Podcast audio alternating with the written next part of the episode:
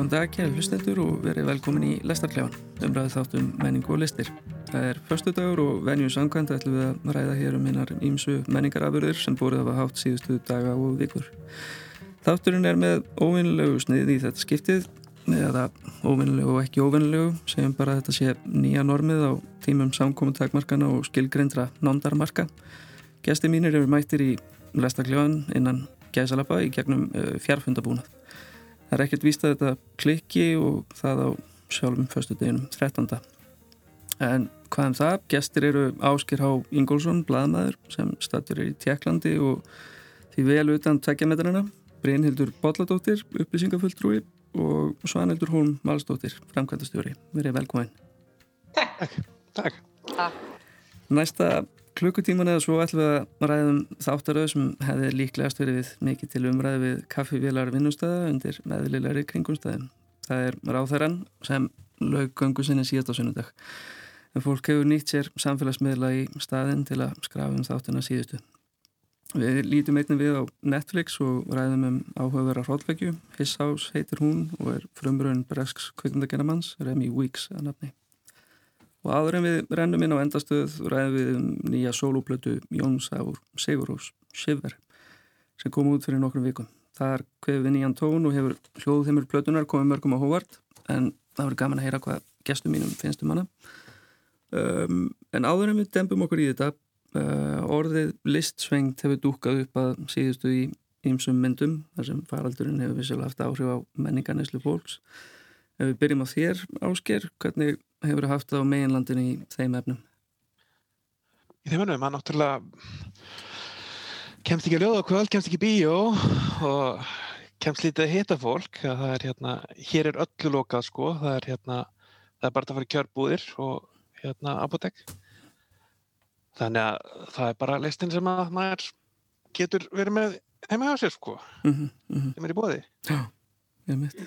Og það er svo sem er ekkert farið að sjá, uh, sjá í botnin á, á þeim byggar, uh, streymisveitur og, og fleira svona Mhm. hjálpar, hjálpar fólki í Einmitt. inni verunni. Uh, Svanhildur, hvernig, hvernig þú svona tekist á þetta? Ég bara svona reyndi að, að hugsa sem minnst um allt það sem maður getur ekki gert, maður verður svo leiður yfir því Mm. og ég hef svona, held ég bætt mér þetta svolítið mikið upp með því ég myndi að horfa bara því meira og, og lesa. Mm. Það er eitthvað sem maður getur gert í einrúmi svona venjulega en, en ég veit ekki það alveg að það væri, ég myndi ekki brjálast, þú veist, ég kemist eins og eina, eina tónleika sko. Já, já, þú ert ekki, ekki einum það. En Bryn, Nei. Brynhildur, erst þú fann að sakna tónleikana? Já, ég er nú kannski ekki svo duglegast að ég að fara á tónleika en ég finn það að ég horfi á miklu lélæra sjónasefni. Ég er svona einhvern veginn, held að ég þurfi, ég get ekki hort á eitthvað alvarlegt eða svona djúft eða eitthvað, ég þarf bara einhvern veginn svona, svona slökka á mér og horfi, ég horfi bara raunveruleika sjónvarp. og en ég hins að ég les mun meira og ég er mjög svona bara fókusir á að lesa og finnst að gefa mig mjög mikið þannig ég hef bara sjaldan lesið jafn mikið eins og síðustu vikur og mánuði. Mm, mm. En einmitt, raunveruleika sjónvarp. Ætli þetta sé ekki ágætur tími fyrir svona þessu svoköllu sagbyrnu sælu. Hún, hún sökina kannski eitthvað aðeins, aðeins minni fyrir vikið. Já, má allavega meira einhvern veginn núna, maður þarf ekki alveg að, hérna skammast sín fyrir það. Ég meina bara réttu pönd sem horfið á Emily in Paris á einum degi. Ég, ég náði fimm minnum og ég gæti ekki meira. Já, Ég reyndari ekki byrja á því, ég er, já, mm já, það var þjófstært á, á henni á, á mínu heimili þannig að ég, ég sem, já, er ekki, ekki þeirri stöðu að, að þurfa að gera upp við mig. en já, svona, við, við kvílum okkur aðeins á þessum út út úr og, og dembum okkur bara í, í, í efni þáttarins. Uh, við byrjum í sjónvarpinu uh, í ráþæranum. Uh, þessi, þessari þáttaröð um, um óheðbundin stjórnmálumenn hann Benedikt Ríkarsson guðfræðing og háskólakennara sem gerist formaður stærsta stjórnmálflokks landsins og svífur í aðsta ennbætti stóla alþingis á vengjum kjarkaðra kostningalófara eftir nokkra mánu í starfi fyrir að bera á andlegum veikindum hjá honum og þá þurfa samstarfsfólk hans og nánustu að leggja stöðuleika ríkisins og enga lífsitt að veði til að halda sjúkdónum lengdum fyrir þjóðinni. Þetta er saga úr íslenskum heimi stjórnmála en um leiði fjölskyldu saga undan pennum handritsöndana Bjarkan Magnúsdóttur, Birkis Blæs Ingólfssonar og Jónasar Margers Ingólfssonar, leikstjórnir í höndum nönnu Kristínar Magnúsdóttur og Arnúrs Pálma Arnúrssonar. Það er ímislegt verið sagt og skrifað um þættinað undarverðnu en hvernig fannst þér þetta lukast, Svanhildur? Uh, Mér fannst þetta nú sko yfir að heila lukast ágætlega sem svona uh, áhorsvæn seria. Ég verði samt að viðkynna það að ég, ég byrjaði fyrsta þættinum og mér fannst þann bara lofa góðu. Svo harði ég á þætt þátt 2 og 3 og þá fannst mér svona pínleiti erfitt að halda mig við efni. Ég tók eftir að ég var svona þannig að kíkja síman og svo eftir en að þriða þátt þá bara glemdi ég seríunni, alveg og í svona tvær vikur, þá er einhver fór að tala um að, að hérna, þessi þáttur sem þá hafi verið daginn áður á mánudegi var farið að tala um það að þetta er nú verið svolítið hérna, spennandi þáttur, ég minnst þetta gerast í hann og ég fattaði það, ég hafði eitthvað dottið út hana. Svo þá ákvaði ég að leifa bara seríun að klárast og horfa á hana í einni beitt þegar allt væri búið og ég sá eiginlega ekki eftir þeirra ákvörðu vegna þess að einmitt í þarna fjörða og fymta þætti þá allt í einu breytist tempóið og hlutni fór að gerast og og þættirnir urðu þannig að mann langaði til að horfa á næsta um leið og sá fyrir kláraðist. Þannig að ég held að svona heilt yfir þá var ég nú bara ágætlega sátt en ég myndi samt sem að segja að, að þetta hefði verið betri þjætt sextættarserja heldur en heldur en aðeins tegð átt af þetta. Mm, ég skil, já. Mm, hvað segir þú um það Ásker? Uh, fannst þér, þér lópið verið að tegður? Já, eins og heila í flestum sjómanstáttum nánast sko að hérna Já, ég myndi að segja nákvæmlega sama. Þú veist, fyrstu ein-tveir þættinu voru, voru nokkuð lofandi sem kemur bara eitthvað díla, sko. Og svo svona í cirka femta þætti þá einhvern veginn takaði við, við sér aftur og eru svona stegmagnandi upp á við, sko, eftir það. Þannig að, og ég held að þetta byggit allt í, búið allt í forminu, sko, að þú ert einhvern veginn, þú þarfst að fylla í, átta klukkutímar er allt í mikið og hérna og þessi og það þurfa að skipta þessu upp í þessar svona sjálfstæða einingar getur líka verið erfitt sko að hérna það sem var kannski sáttastu samt við þáttin var að að það sé til dæmis í ófærð að þá var einhvern veginn búin að vera sér hæga tempo til þess að gera og síðan í loka þáttinu bara átt að slaufa öllu mm. og það var ekkert að einhvern veginn sem að þú veist hérna settist, settist alveg þannig að þarna var bara loka þáttinu þá bara slökuðum henn á og einhvern veginn bara svona unnu úr kannski ákveðnum líkil þeimum á þess að hérna ætla, ætla að leysa allt. Já, einmitt. En hvernig fannst þér uh, gengið frá þessum uh, þráðum sko í lokaþætti ráðrans? Já, mér fannst sko skemmtilegt hvernig var gengið frá svona hansmálum og það var rauninni það, það sem þið gerðu fyrst og fremst að þeir tóku Benedikt og hann í rauninni bara uh, tekur allt í völdin sjálfur. Að þú veist það er sko framan af þetta er hann í rauninni bara í, í hérna meðutundulegs en síðan tekur hann bara allt í völdin sjálfur og hérna og bara horfist aug, augu við sín gerðarinn vandamál og hérna segir bara þjóðinni sattur eftir á en hins vegar náttúrulega er alls konar þrá, þræðir sem er ekki búið að hérna leysa þú veist og er svona, það er alls konar litlir litlar vísbendingar um þú veist hver verður næsti fórsæðisræðara og allt það sko mm.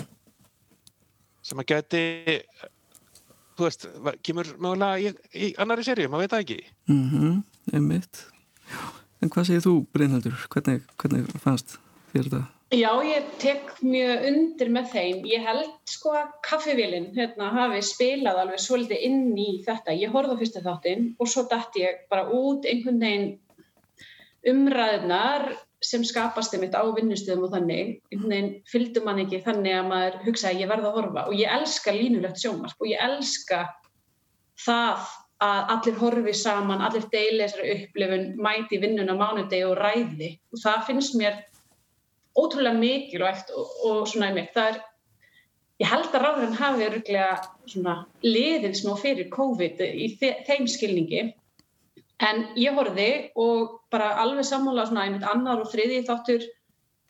Svolítið lítið að gerast en ég þarf samt ekkert endilega alltaf að það sé mjög mikið að gerast. Mér fannst ótrúlega gaman að fylgjast bara með fólkinu um, og velta fyrir mér, veitu, vá, er þetta svona í pólitík? Er, hérna, er, er Þorvaldur Davíð bara í klækjabröðum allan daginn og eina sem hann hugsa um? Mm. Ég svona hugsa ekki, Svanhildur hefur kannski meiri insýnin í það mm -hmm. en eh, það, kannski, var kannski svolítið svona ótrúverðugt í rauninni að allir klækinir væri bara á hans borð og það var bara eina sem hann væri að gera en ótrúlega svona mikilvægt fannst mér uh, mér fannst þetta bara, já, mjög skemmtilegt gaman að fylgjast með þessu en það eina sem í rauninni bara pyrraði mig og svona lifir svolítið ennþá með mér er það er rosalega líka ótrúverðugt að enginn hafi átt að segja á að hann ætti við gæðran vandamál að stríða. Það hafi komið öllum svona í opna skjöldu þegar það var fært í orð og í rauninni það væri svona mikið mál. Mm. Ég svona held að þessi auðvitað alvarlegt þegar fósinstisráð þeirra er í bara gífurlegri maníu og hérna tekur bara rugglaðar ákvarðinur og þannig og auðvitað þarf að sko grípa í taumana þar. En en það er bara, þú veist, það er bara eitthvað allir eru hérna, með einhver geran vandamál. Þau eru þetta mis miklum, skala. En þetta er svona, með svona ótrúverðt í nútíma samfélagi að það væri kæmur til mjögnaskjöldi mm -hmm, mm -hmm. Einmitt En já e, sko, ef við bökum aðeins og, og, og já, ef ég spyr þig bara svanaldur, er, er íslensk politík, politík svona? Uh, Stuttarsvarið er nei.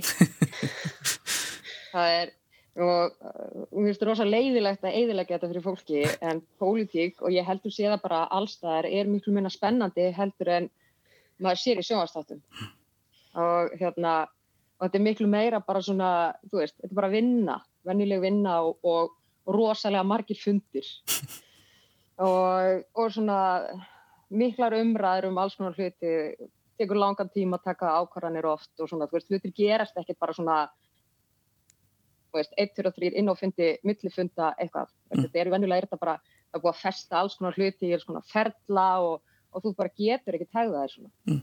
En hérna, sko, þú veist, það voru svona vissir hluti sem að, þú veist, auðvitað pyrruði mig svolítið, þetta bráðabyrðalega dæmi þarna fannst mér náttúrulega að vera alveg út úr kortinu.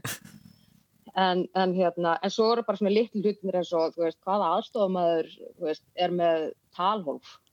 Það er bara einhvern veginn ég skildi það ekki, það var svona, þú veist, og Lógi var þetta að segja mig, nú ertu komin út í einhver smáatrið, þú veist, en, en, ég meina, kannski aðstofum að félagsmálar á þeirra eitthvað, ég veit það ekki, en allavega ekki ég, ég veist, það er engin að standa upp þegar að fórsættis á þeirra lappar inn eða út úr herbergi, og, og hérna, og, og sko, þú veist, og svo var þormaður framstaflóksins var að borða í kringlunu í þinginu og ég var bara, ég, ég veist, ég ætlaði ekki að ná mér yfir hvað ég var heilslu verið, það var bara einhver maður að borða í kringlunni, það borðar enginn í kringlunni og, og ég held að þetta sé ekki hluti sem að sé að tröfla henn vennilega áhorfanda og sérstaklega ekki í útlöndin og þetta er þetta, þú veist, til útflutnings. Akkurat. Þannig að maður svona, sko, slefti því að horfa á þetta eins og innanbúðarmadur þannig séð uh -huh.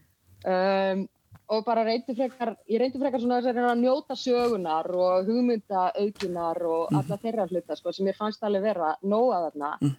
en, en ég, hérna, sko ég fannst Þorvaldur Davíð geggjaður sem vondikallin sko. ef ég segi svo er vegna þess að sem áhuga maður um pólitík þá hef ég þetta hórt á fullt fullt alls konar pólitísku þáttum og ég til dæmis gafst upp á House of Cards að því að mér fannst sko vondukallarnir þar sem voru hjóninn uh þau voru svo ótrúlega ósympatísk af því að mhm. til þess að þú nennir að horfa á eitthvað með svona fólki sem er í grunnir bara veist, illa innrætt og eitthvað, þá verður það í það mest að vera almennilegt, þú veist, þessu vondukallarnir í James Bond mynduna, þeir áttu þá allan að köttu eitthvað þarna varstu bara með general leiðilegt og vond fólk sem var alltaf einhvern veginn að reyna að óta sínum tóta og, og, og stíga í, helst í leiðinu ofan og lík sko hérna samherjum þú veist. Mm og, og þú veist, ég nenni bara ekki þannig karakterum en mér fannst Þorvaldur einhvern veginn ná að að skína í gegnum andstyggilegheitin og allar bakstungunar. Já, það er, það er, alveg, það er list. Já, ákvæmt. Það er aðrið gúta fyrir sig líka sko, með, með þennan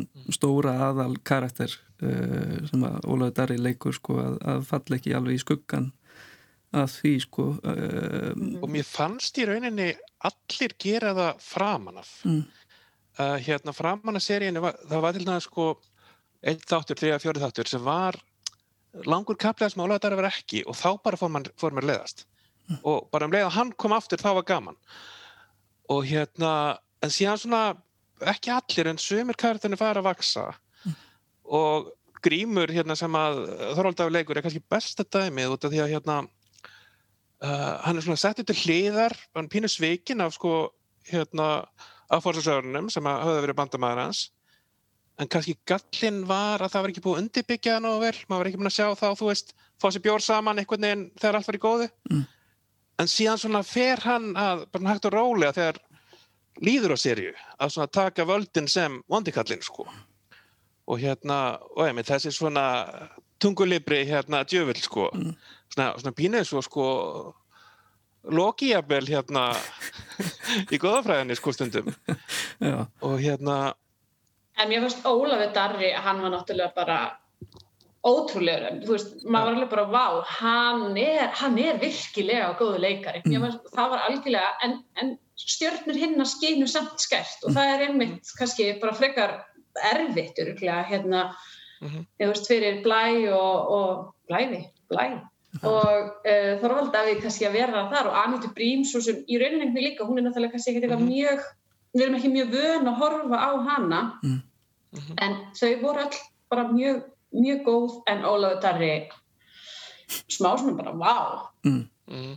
Já, já, mitt Ég er sammála, mér fannst Ólaður Darri alveg frábær í þessu og, og ég veit að þeir sem að mögulega þekkja sko, þú veist, betur til gæðrætna sjúkdóma heldur en ég hafa kannski eitthvað að aðtuga við þú veist, svona framsetningunni á því hvernig hann þróaðist í sínum hérna, gæðsjúkdómi En, en sko mér fannst hann bara sem leikari og hvernig hann einhvern veginn held utan um hlutverkið og, og sko, veist, þegar hann fer upp og svo þegar hann fer niður aftur, veist, þetta, mm. þessi loka sena þarna, mér fannst það bara ótrúlega trúverður í þessu og þó að til dæmis, sko, hérna, Sjálf Magne Bonnevík hafi ekki verið, veist, með sama sjúkdóm eins og, og Ólaðar eða, eða Benedikt er í, í þessum veist, hann þá, þá er það til fyrirmyndi þessu sem er bara það þegar að hérna, fórsettisráðra Noregs fyrir rúmlega 20 árum vakna bara einn daginn og hann getur ekki komast út úr rúmunu.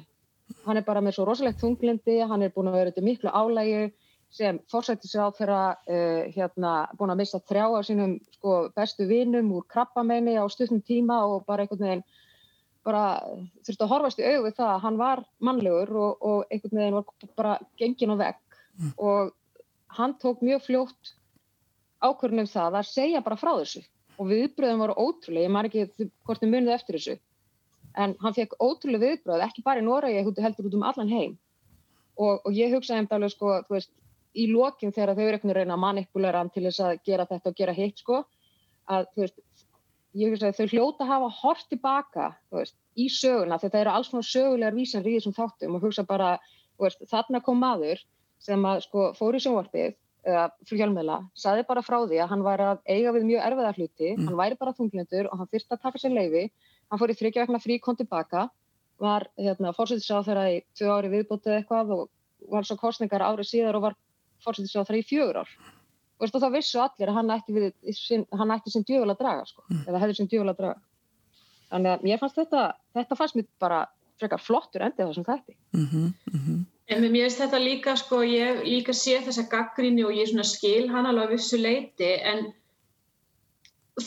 geðsúdómarinn mitt eru alls konar og það er alveg fólk sem fer í gríðarlega manju sem getur mögulega að hegða sér svona svo þó það sé kannski ekki hinn típisku enkenni en það er líka svona, þú veist, á listin alltaf að vera sína einhvern veginn, einhverja svona PC mynd af öllu eða má hún ekki bara aðeins fara út í öfgar og þú veist, væri gaman að horfa á sjónastætti sem væri ekki svolítið svona öfgafullir sko Nei, það var alltaf pólitíski þættir mjög leðilir. Já, og líka þetta einmitt með þessar vísanir og þannig, ég minna maður var auðvitað alltaf að reyna að finna, kannski sérstaklega úr íslenski pólitík, eitthvað, þú veist, býtu, er verið að vísa í Bjarnabeðan þarna? Er þetta Sigmundur Davíð? Býtu, er þetta hérna einhvers, þú veist, Otni Harðardóttir? Þú veist, maður var stöðugt að reyna samsam og það tókst nú bara einmitt, oft, að þetta væri svona sambland úr ímsum karakterum. einmitt, en það var það punktur samt nefnilega- koma annars það frá að stórum hluta, þú veist, ég hugsaði bara, þú veist, til þess fyrst var hann svona meira bara eins og Óli Stef, að hérna, úr ykkur, ykkur aftanir átt og hérna, og sko varðandi geðvíkina, uh, ég held að maður er því fljótt pyrrar ef maður væri að sko horfa á þetta sem einhverja, þú veist, beininni stúdíu á geðviki, þetta er kannski meira í þessari svona í rauninni bara mjög gömlu bókmyndahefð að hérna nota hinn geðveika til að afhjúpa veruleikan að þú veist, þegar að þegar að forsættisráðan fer út úr handritinu þá það allir ógæslega hérna asnalegar og veit ekki hvað er að gera. Mm. og hann er rauninni bara með sinni geðveiki er hann að afhjúpa rosalega mikið sem að er að í þessu þjóðfélagi sem að byrja ykkur í þáttunum. Og það er svona grunnpælingina bak við hvernig geðveikin notuð í svona, í, í svona list. Hérna síðan getur þú veist hort á, þú veist, aðra þætti aðra bækur sem eru sko meira bara þú veist, hérna að reyna að sína geðveikina sem slíka en þarna er, en það þurfti ekki að gera hana forsætsára sko Einmitt. en hann er meira, já, hann er meira svona til þess að afhjúpa þau, bara eins og í þessu fjölskyldubóði, það sem bara svona akkur er syngur enginn Já, einmitt. En það er akkurat þetta sko, slagur sem að uh, kostningabarátan uh, sem að var í kostningabarátu flokksins í fyrsta þætti ekki vera idiot og, og Benedikt er eitthvað skonar, eitthvað skonar svona fáiði sko ef maður vísa til bókar Dostojevski sko, hann er svona einfaldum maður sem að sem sagt, afhjúpar ímsa þætti í, fari annara og, og, og samfélagsins. En það var áhugaveru punktur hjá, hjá uh, Svanhildi sko með, með Íslands sjóngasefni sem, sem útflutningsvöru sko. Og þetta er svona umhugsunar verðt sko hvaða áhrif uh, það hefur á sjóma sko á þáttagerð uh, á Íslandi sko þegar að, þegar að höfundar og, og leikstjórar uh, eru ekki bara að hugsa um innlendan markað heldur líka að geta komið svo framfæri ellendis uh, er þetta eitthvað sem að þið svona mm, sko hafið þið eitthvað að segja um þetta? Finnst ykkur þetta varhugavert eða, eða, eða hvað, veist, þau áhrif sem þetta hefur á, á uh, kvikmyndagerð íslenska Þetta hefur alveg áhrif íslenska kveimdagerða hérna sko það að ná til fólks heima hefur kannski pínu lent í öðru seti stundum. Og það er kannski til marg sem eitthvað núna í kófinu þegar að engin hérna uh, þegar enga kveimdaháttýra þá er í rauninni stærsta íslenska myndin er hérna lítil gammamynd sem er fyrst og fremst hugsuð fyrir heimamarkað. Mhm.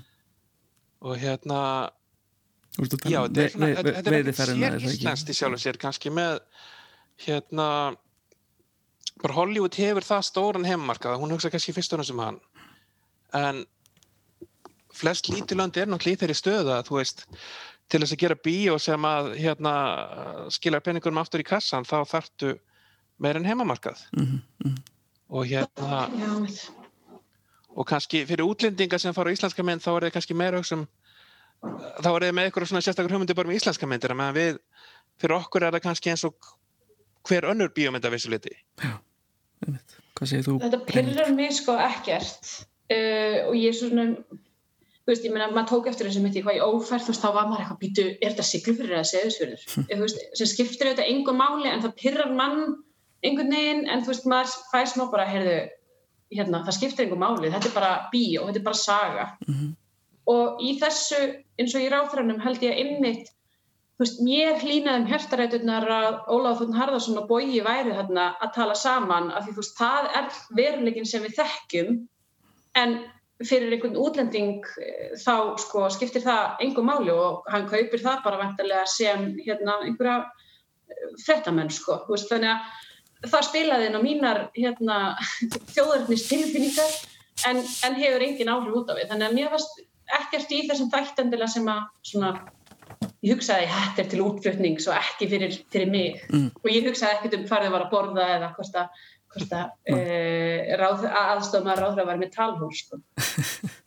Nei, það er kannski að því líka þetta er svona meira minn veruleiki sem að, þú veist, að þetta trublar mann þannig séð ekki og ég hugsa þetta trubli vennilega áhörundur ekki neitt en, en sko hausin á manni fer alltaf ánga þegar eitthvað passar ekki, veist, það er Já. svolítið dæmis þegar þú fara í Dalvíkubyggð til að skrifa undir og ég er alveg bara, þetta er ekki veist, Mm. og eitthvað svona, en það skiptir einhver máli í, í stóra samingi hlutana, en ég sé, veist, maður sér þetta, veist, mér finnst þetta frekar að vera svolítið eins og þú talar um sko Boga og, og Óla Þotn og svona, að mér finnst þetta að vera svolítið svona eins og barnabók eftir Guðrúnu Helgadóttur sem er skrifuð fyrir, þú veist, hún er skrifuð á plönum, þannig að, þú veist, fóreldarnir hafa líka gaman af henni og er að lesa fyrir börnin og þess vegna er sko, það er svona, það er svona nammi fyrir Íslandinga þessu og Mm. svo er alveg fullt af ótrúlega flottu stöfi sem virkar í alþjóðlegu samingi, Mm. veist, og fyrir hvert sem er. Þannig að ég held að þessi bara, ég segi bara það er frábært að, að sko, þú veist, líka þeir sem eru að búa til þætti fyrir íslenska marka leifi sér bara svona á, að taka ákveði hérna, e, taka, e, taka sér ákveði svona, hvað segir maður, þú veist, e, e, svona skáldaleifi, þú Mm. veist, þú þarft ekki að hafa þetta allt akkurat, af því að þú vilt að þetta höfðu til stærri markaðar já, og það er bara frábært. og þú vilt gera gott sjónvarp sem er svona kannski já, Einmitt. mikilvægasti hluturinn í þessu öllu saman Mm. um, Það var hans eitt sem ég var að pæla með aðstofamennina. Það er hann eitt þáttur þar sem að manni fannst alltið vandamáli vera að það voru aðstofamennir að ráðarnir voru einhvern veginn að talast saman í gegnum aðstofamennina. Mm. Og það voru rosalega mörg vandamál sem hefði bara verið hægt að komast hjá ef að þeir hefði bara, þú veist, bankað upp í á hverju öðrum sjálfur. Ok, ég, þú þarft að segja mér hvað þetta var, vegna þess að þetta er greiðlega verið svo eðlilegt að ég tók ekki eftir þessu. Þetta var eitthvað, mér minnir að þetta hefði verið í kringum, ég man í hvort það var í kringum ESB-málið eða flottamannamálið. Svona snem, snemma í þættinum, sko. Að það var bara, þú veist, bara, það var einhvern veginn, það, var allir bara, nei, hérna, senda aðstofamennina fram og tilbaka, sko. Kannski aðal, aðalega hana hrefnu, sko. Og hún einhvern veginn þurfti alltaf að svara fyrir hann, sko. Já, en við höfum náttúrulega ekki talað um hana kannski sérstaklega, þú veist, en það, mér, mér fannst hún, mér fannst hennar hlutverk, mér fannst hún gera þú veist, vel í því, mér fannst hún, Mm. mér fannst hún, hún svona, að því ég hef, ég man ekki eftir að hafa síðan að leika neitt áður og mér fannst þú bara, það var eitthvað svona gaman að sjá uh, alls konar svona blöndu af nýjum og, og, og eldri andlitum saman þarna, þú veist, Helga Björns sem alveg, þú veist, aðeinslega mikið mikið ref og allt þetta sem að, ég veit ekki, kannski er það typecasting, ég veit það ekki, sennilega ekki samt, en það passaði vel í það hlutverk og mér fannst bara eitthvað, mér fannst það líka að vera, þeir sem að sko völdu í hlutverkinu í þessu, þeir unnu Mhm. sitt starf vel Mhm. og mér fannst Algjörlega. bara frábær, koma upp að það sem er svona, þú veist, oftið öðruvísi og þau svona tvö pínu dæmi um það að koma ekki alveg innan úr innstu kreðsu, Mm. þannig séð akkurat og svona sjá hlutina með svolítið öðrum augum og svona, þú veist, allan að til, það þjónaði vel svona sínu hlutverki í þáttunum. mm Já, við getum verið sammála um það uh, en nú verðum við að færa okkur yfir í næsta efni sem er mennskar hólfveikjan His House sem byrtist á streymisveitinu Netflix rétturir Reykjavíku helgina. Myndin segir frá pari, Ból og Ríal sem hljóta hæli á Englandi eftir erfiðan flóta frá Söður Súdan. Þeim er útlutað tímabundnu húsnæði meðan mál þeirra velkist um í kerfinu og saman reynaði að ná áttum í ókunnu landi. Þar tekur ekki betra við eftir ferðarlagi frá Súdan en ekki líður löngu áður en draugar fortíðar láta á sér kræla nokkuð bókstaflega. Þetta er hansi lungin reymleika saga en um leið áhugaverð líkingasaga um tráma og raunir flótafólks. Blaðamæður The Guardian lýsi myndinu nokkuð skemmtilega og segir að uh, það gerist ekki ofta félagslegt raunsægi Ken Loach og hryllingur Nightmare on Elm Street skarist en með His House uh, sé gerð að því húnum finnst afar vel hefnu tilrönd til þess að tvinna þetta saman. Uh, hvað fannst þér Brynhildur um myndina? Sko, ég horfi ekki á hrollveikir. Mm. Gerði ég þér óleik eh, með að leggja þetta fyrir? Já, ég, ég var, ég var, ég var ekki svo byrju, er þetta kannski hrollveikja? Og svo horfði ég á trailerinn og ég var bara, ég var næstu búin að ringja og vera bara, ég get ekki þátt í þessu því miður, ég get ekki hort á þessa mynd. En ég horfði Já, já. og uh, ég var mjög tauga strekt fyrst, svona fyrri helmingin en svo slakaði ég eiginlega bara alveg á mér fannst hún um, mér fannst hún fín. Ég ætla að segja það bara, mér fannst hún fín.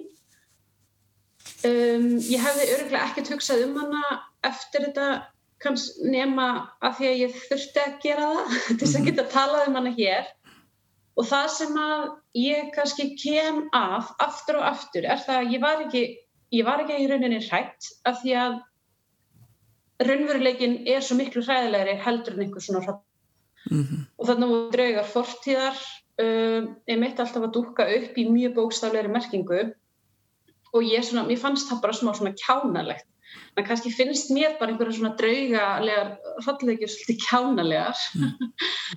og ég hugsaði alltaf bara en þú veist ég, hef, ég hugsa alltaf bara, ég hefði verið til að sjá me miklu meir um flóttan og, og hérna, þeirra aðstæður og Mm. það var svona það, því það er það sem að raunverulega er hryllingurinn og það erfiða. Mm Mm, Já, það var svona, uh, finnst þér sko eins og segir sko raun, raunir fólksins sem að þarf í raun og veru að takast á við, við svona aðstæður uh, eru, eru sko já eins og það er, eru. Finnst þér þetta að vera, þú veist, smekklaust að takast á við þetta efni með þessum hætti eða? Nei, alls ekki. Og ég held að þetta seti öruglega líka bara ymmit svona, kannski málefni flóttafólks meira á dagskrá hjá einhverju fólki sem er ekkert endilega pæliðin, einhverju sem bara vil horfa góða hrollvekju og, og hérna fær þar einhverja svona tengingu. Um, og ég hef, nei, mér finnst þetta alls ekkert eitthvað smekklaust og bara, þú veist, þetta var hérna í svona bara, þú veist, einmitt, maður flýr kannski heimalandi sitt, en maður flýr ekki allt það sem maður hefur orðið fyrir og uh, alla sína drauga. Og, og maður hefur kannski þurft að gera eitthvað sem að maður er ekki stoltur af uh, til þess einfallega að komast af og eitthvað sem að maður myndi aldrei trúa sjálfum sér til þess að gera. um þetta uh, Ásker, hvað segir þú? Já, hérna ég var nefnd að hugsa með sko þegar maður horfir á hrollvíkir sko fyrir mína parta finnst mér alltaf virka best þegar það er einhvern veginn einhvern veginn sannfærandi raunverugurtenging þannig að oft er það kannski það eru oft góðar framan á síðan þegar að einhvern veginn hérna hryllingurinn verður meiri þá er að ferna að missa markstundum sko Mm. og hérna ég hugsaði einhvern tíma búin bara svona að hérna að þarna er þú veist þetta hverstagslíf sko þeirra sem að þau eru raun að rifja upp er bara svo miklu hryllilegra heldur en sko við getum ímyndað okkur raunverulega Mm. Og þess vegna var einhvern veginn þessi hryllingur eiginlega lengur sko hverstagslegur hryllingur nýbúðinni þessi hérna og ég meina finnst myndin helviti mögnuð sko bara hvernig mitt þú veist bara eins og þetta er rauninni bara hryllingsmynd um tráma Mm -hmm.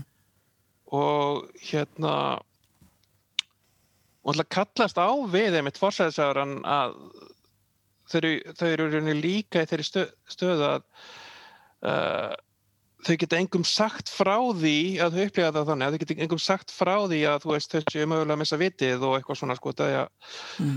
hérna þá náttúrulega bara eru þau sendið burtu Mm. missa allt og hérna og já, hún er bara svona mögnuð veginn hvernig hún sýnir uh, sýnir hvernig þú veist er að vera bara í nýju landi og vera alltaf brotin og hérna uh, geta sér ekki Björg, veitt sko? Þú ert, þú ert fastur í þinni fortíðan þú ert líka fastur í þessar nútíð í þessu hérna hálfmiklaða húsi sko. Mhm. og hérna og já, þú veist, maður, maður, maður hugsa bara um til dæmis, þú veist, það eru hafa, hafa komið fréttir af hælisleitinu sem kveikja í sér. Og þú veist, það er mjög auðvelt að ímynda sér hvaðan þeir koma bara með, með þeim að horfa á akkurat þessa mynd. Mm, mm. í rauninni En þú Svanaldur hvað, hvernig fannst þér þessi mynd hernast? Mm, sko ég var ég var búin að ákveða að horfa þessa mynd aðra þú hafið samband. Mm -hmm.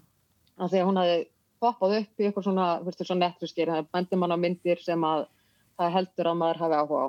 Og ég er sem sagt svolítið í þessari hérna hrollvekju fantasíu, sci-fi veist, þannig að ég fæ ábendingur og svoleiðis hluti ég ákvað að lesa eiginlega ekkert um þessa mynd að hann ég fara að horfa á hana. Þannig að ég kom svona frekar köld að henni. Ég vissi bara, ég held bara að ég væri að fara að horfa á Hrollvikju með svona einhverju, þú veist, svona svolítið öðrum þáttakandum veldur um er vanur, þú veist, ekki einhverjum unglingum í bíl að keira á einhverju óskinsanlega staði. Uh -huh. og, og, hérna, og lendaði því einhver grímiklætu maður aðstæðu og þannig að ég var alveg svona ég var alveg einhver ofn fyrir því að fara að horfa á þessa mynd. Og svo byrjar hún og, og, og maður er eitthvað, þú veist, maður er svona hengt inn í þennan, þennan hræðilega veruleika hælisleitenda þar sem að fólk kemur fram við þau eins og þau séu eiginlega ekki fólk og þau fá eins litlar upplýsingar og, og hægt er að gefa þeim og, og hérna, maðurinn sem að tekur á mótið þeim þegar þau fá útvitaði íbúðinni hann er, hann er raun og raun kemur fram sem svona veist, eitt skilningsríkasti maðurinn þarna en hann er samt sem maður einhvers sem segir við og ég vona bara að þið séu eina þeim góðu mm -hmm. það er svona Það eru svona innbyggðir, brjálaðisleir fordómar samt sem áður í mannin sem einhvern veginn reynist um þá sennilega best. Og, og hérna, og svona bara allt sem þau eru að, að díla við, það er svo margt sem er hræðilegt í þessari mynd, eins og bara það að, að þeirra ríal, sko, konan, önnur aðalsugu hetjan, fer lóksins út úr húsna því það er greiðlega vandamál fyrir hann að fara út á meðal fólks og hún einhvern veginn lendir í því að villast og hún gengur í ringi og áttur sér ekki alveg hvað hann er og hún sér einhverja strákar sem hún þorður ekki að tala við og og, og hérna, þeir eru allir hvítir svo sér hún þrjá svarta stráka mm. og þú veist það greinlega hugsa þannig að þannig eru fólk sem ég get ta tala við og þeir taki henni umurlega mm. þetta er bara, þetta er svona nýstandi atrið í myndinni en, en svo, sko, þú veist, hryllingurinn af því að þetta byrjar auðvitað sem hotlugjö ég var að drekka kaffi og veist, þetta er svona bregðumind svolítið, þannig að ég að leggja kaffibotla frá mér. Ég samt tók ákvarðunum að horfa þetta bara um hátegispill til þess að vera svona nokkuð öryggi í þessu.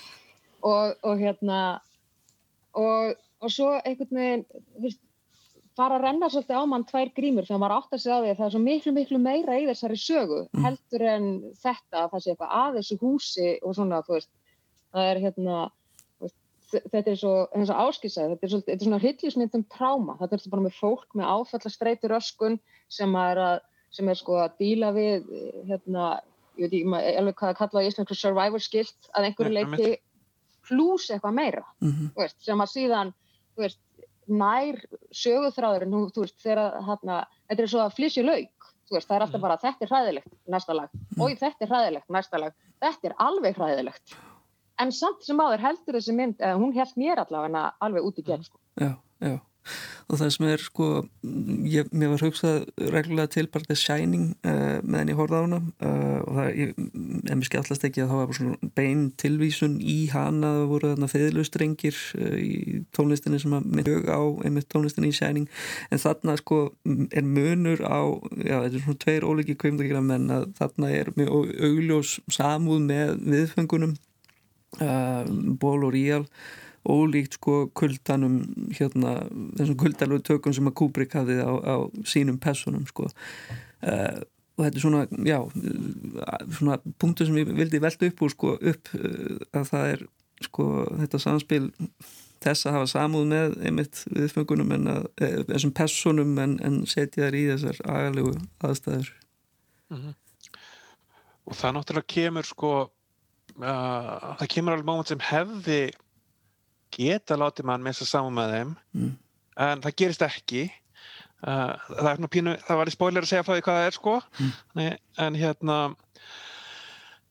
en já, maður fær saman með þeim og það sem maður kannski um, með því að maður láta mann fá saman með þeim strax að þá einhvern veginn hérna tekst er náttúrulega vel sko að láta Breitland og ég sjálfs ekki bara í Breitland þetta er sko hinn vestrana heim vera pínur hreitlinsheim og svona mm. hérna það að vera komin í þennan skrítna enginnilega heim með öllu þessu skrítna kvítafólki sko og það eru, þú veist, útísinnar eru, ég pínur saknaði mér að það var ekki aðeins meira af útísinnum mm.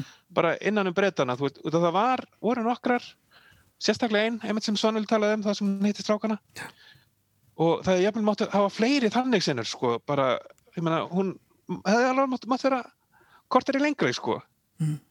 upp á það að gera En finnst þetta sem Svaldur nefndi sem þau segja þarna, Vi, við erum góð, we are one of the good ones þetta kemur fyrir bæði í ráþranum og í þessari mynd að mm. flóta fólk og, og umsengjöndur um alþjóðlega vend þurfa alltaf, þau eru alltaf að sanna sig.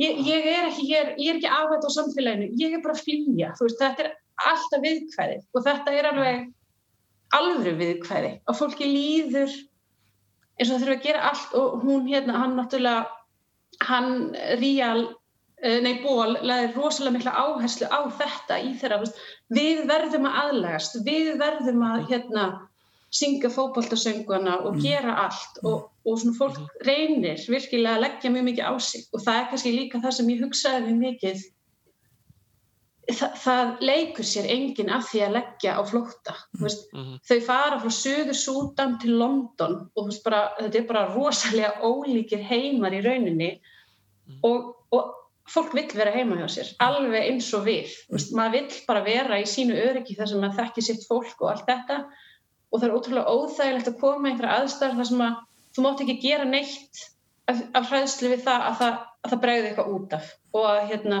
og það muni bara rústa lífiðinu sem er nú þegar í einhvern veginn rúst. Yeah.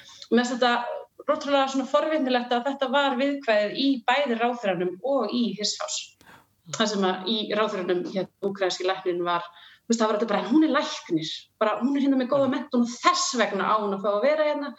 Ekki bara því að hún var að koma hryllilegum aðstæðum. Það var ekki nóg, það þarf að sanna sig í samfélagin uh -huh. Já. Og... Já, það er líka flott hvernig sko, einmitt í þessu veist, með það að, að, að aðlegast það, veist, það var ekki beint sagt endilega beinum orðum, alltaf heldur bara hvernig hann til dæmis eins og það er þetta sena það sem hann fyrir búð og hann er að velja fött á, á, á, á sig og ríal ból og hann, það, það er svona stór auglýsingamind og hann bara kaupir eins föt eins og hann sér á þessari auglýsingamind þannig að þau séum þá örgla bara eins og þetta fólk sem það er þarna, veist, hann mm. finnir sér bara fyrirmynd. Og, veist, og þetta er alveg, veist, ég finnst það er fullt af svona uh, atriðum og svona bara alveg, það er eitthvað myndmælnotað bara án orða að þú þarft það ekki, að þú horfur bara hvernig hún gengur einn úti, þú veist, getur ekki tala við neitt, mm. hún er öðruvísin allir, bara hvernig hún ber sig og, og svo þessi búðarferðir hans sko sem að er bara, ég fannst þetta, ég, ég verður að segja eins og verður, ég var hrjúð. Já, já, einmitt. Þessi þess að aðlagast og vera, vera bara maður sjálfur sko í nýjum aðstæðum. En hvað segir Brynildur? Ég var hrifnar og hrifnar núna eftir því sem við tölum meira um þetta. Nei, þetta var bara rosalega svími. Það er vilt. Já kannski ástæði þess að setja henn aftur í gang eftir, eftir þátt og, og, Já, og einmitt, öruglega fullt af myndmáli sem maður kannski bara misti af mm. það er öruglega einsir svona lítil smáatriði sem að hérna maður allavega fattaði ekki að maður, maður segi. Já, það er alveg magnaðar senur í þessari mynd sem er einmitt sko svona myndrænar sko svona stílfærðar stílfærð, myndræn stílfærð atriði sko sem að maður grýpur svona andan á loftið sko. Já, eins og sérstaklega eitt þar sem að þeirra borða skyndilega hverfur hún og svo er hann eiginlega bara á megniða húsinu hverfur og hann er út að sjó. Mm, Akkurat. Og hérna, einmitt, alls sko og svona svipuð atriðin mar, á mörgum stöðum inn á milli sko það er svona hvernig bara hvernig vatn með þess að verður bara það að sjá vatn, maður svona finnur trámað í því bara. Mm, Einmitt. En já, þessi mynd hissa ás hefur ekki mikið umtal sko í ellendu pressunni. Uh, já, en maður lítur á, á þessa, þessa dóma hérna, já, sem sagt Rotten Tomatoes og það og þá verist hún bara að fá einróma góða dóma og við vist allan að takast það ætlunarverk sitt að, að vekja aðtíkli á málefninu. Uh, við þurfum að færa okkur yfir í næsta efni eða uh, Shiver. Fyrsta soloplata Jónsa úr Sigurós í heilan áratug. Uh, en hann gaf síðast út plötun og gó árið 2010 sem var jafnframt hans fyrsta solobreyðskifa uh, Sænska popstjarnar Robin og Liz Fraser úr skorsku drömapopsveitinu góðsagnarkendu Cocteau Twins er í gæsta hlutarki á nýju plötunni og upptökustjórin Breski A.G. Cook kemur einnig að lagasmíðunum en hann er þekktu fyrir ofur, velrænt og hrjúft fram úr stefnupop. Eh, við skulum hlusta á stöðt brotur einu lagaplötunar. Swill heitir það.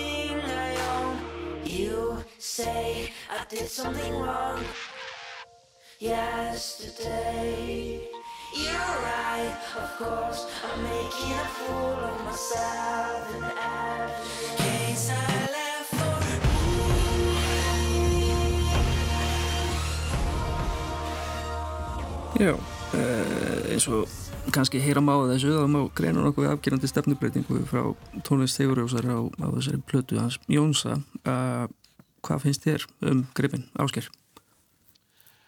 Já, hérna uh, mér finnst hann ekki byrja vel þá einhvern veginn er hann, svona fyrstu tvölaugin er hann sko eða bara að syngja bara mjög hefni pop einhvern veginn Mm. svona rap pop sem að var alltaf leið út að vera sig en einhvern veginn fannst það vant ekki meira. Síðan svona með þeim kannski þriðalegir þá fer eitthvað að gerast sko. Og hérna um, og já, þú veist hérna hann er að reyna að búa til eitthvað svona ráftónustar heim sko sem að komin halva leið með eitthvað einn uh, stundum er eitthvað, eitthvað sem er flott sem kannski passar ekki alveg inni í einu leginn til dæmis sem að svona hefðu mátt eitthvað einn sko já, púsla betur inn. En hérna það er margt flott hana og hérna uh, sérstaklega eitthvað þannig kannibal sem er svona eiginlega uh, ástæðsaga mannættu sko.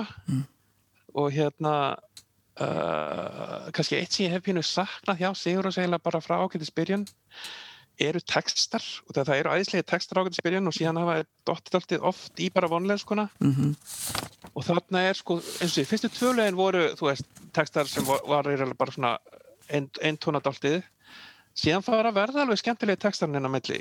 Og hérna uh, dáltið einhvern veginn nýtt af þessu leiti ekki alveg fyrsta skipti en svona var óvanur að heyra Jónsa að syngja á ennsku Já, uh, tók tíma að svona stundum sko, sko framburðurinn, þú veist, er alveg 100% ég, ef maður vissi ekki hvað það væri var maður ekki að pæla í þessu einhvern veginn.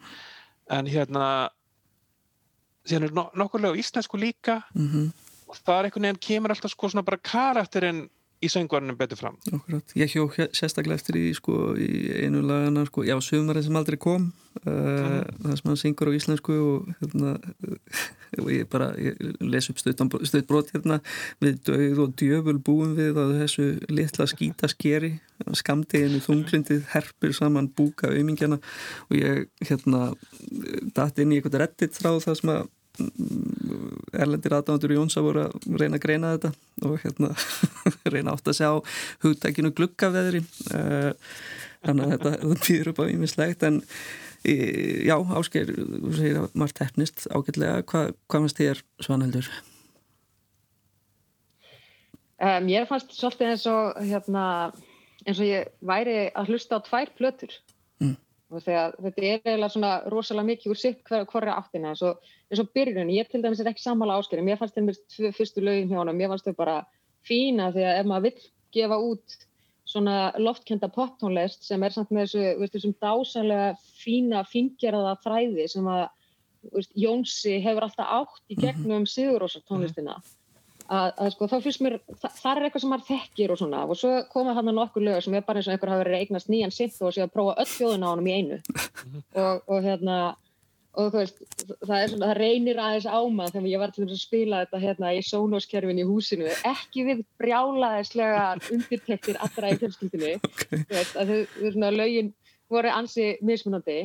Og hérna, en ég ég var sko, mér finnst meðmæli með plötu þegar að manni finnst þær batna við hlustum mm. veist, því að fyrsta hlustum var svona já, ok, jú, það er ýmislegt ágætt og eitthvað og svo hlustaði aftur og aftur og aftur. Og mér finnst eiginlega, niðurstæðan er svo, mér finnst hann eiginlega bestur þegar hann er bara einn, mér finnst hann ekki þurfa einhverja gestaleikar á þessa plötu sko. Mm, já, en, en hérna en ég hef náttúrulega alltaf verið aðeins á Sigurósar vagninum, þú veist, ég hef alltaf verið pínu hrifin, þannig að ég, hann er með forgjöf en, en, en um, ég fannst alltaf fyndi, ég las þú veist, þú ert að tala um texta og svona sko, aha, að eins og þarna þetta er eitthvað svona let it go textar hann í upphafi kannski smá.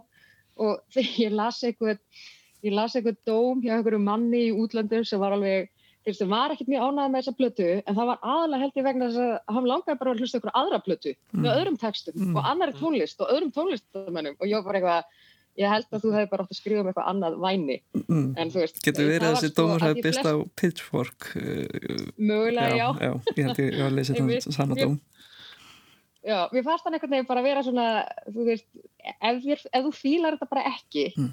jú, þú getur alveg sagt það en, en dæmdu þetta þá í, það- í það mesta út frá því sem þú ert með í höndunum en ekki því sem þið langaði að vera með í höndunum. Mhm, mhm, En já, þetta er, hún, er, hún er mjög hlaðin þessi plata sko, fingjart væri ekki, ekki beint svona lýsingar orðið yfir hana, þetta er allt svona mjög ómstrýtt og, og svona, já, eh, hún ber höfundarenginni þessa, þessa stjórnu producents H.G. Cook, dálítið glöggt merki, en uh, hvað Mér finnst samt, fyrir ekki þau, sko, mér finnst samt Jónsi ná að skýna í gegn með þetta, þú veist, af því að þetta álvalega sem að er í Jónum og sem að útlendinga til að vera alltaf svo hýpnir af, til þess með Sigur og svo svona, það nær alveg í gegn hana á köplum í þessu, hérna, uh, ég ætla ekki að segja að nota orðið sem ég ætla að nota, en sko, þú veist, við dattstundum í hug sem er ótrúlega ósangjart, um, af því að svo fíla ég það setna meir, að, þú veist, þegar maður var að byrja að hlusta Sugar Kings, þú veist, mm, mm, og, og maður var alltaf bara og, veist, ég var sko ábyggilega 13 ára eða eitthvað og kannski ekki alveg komið þroskaði þetta en,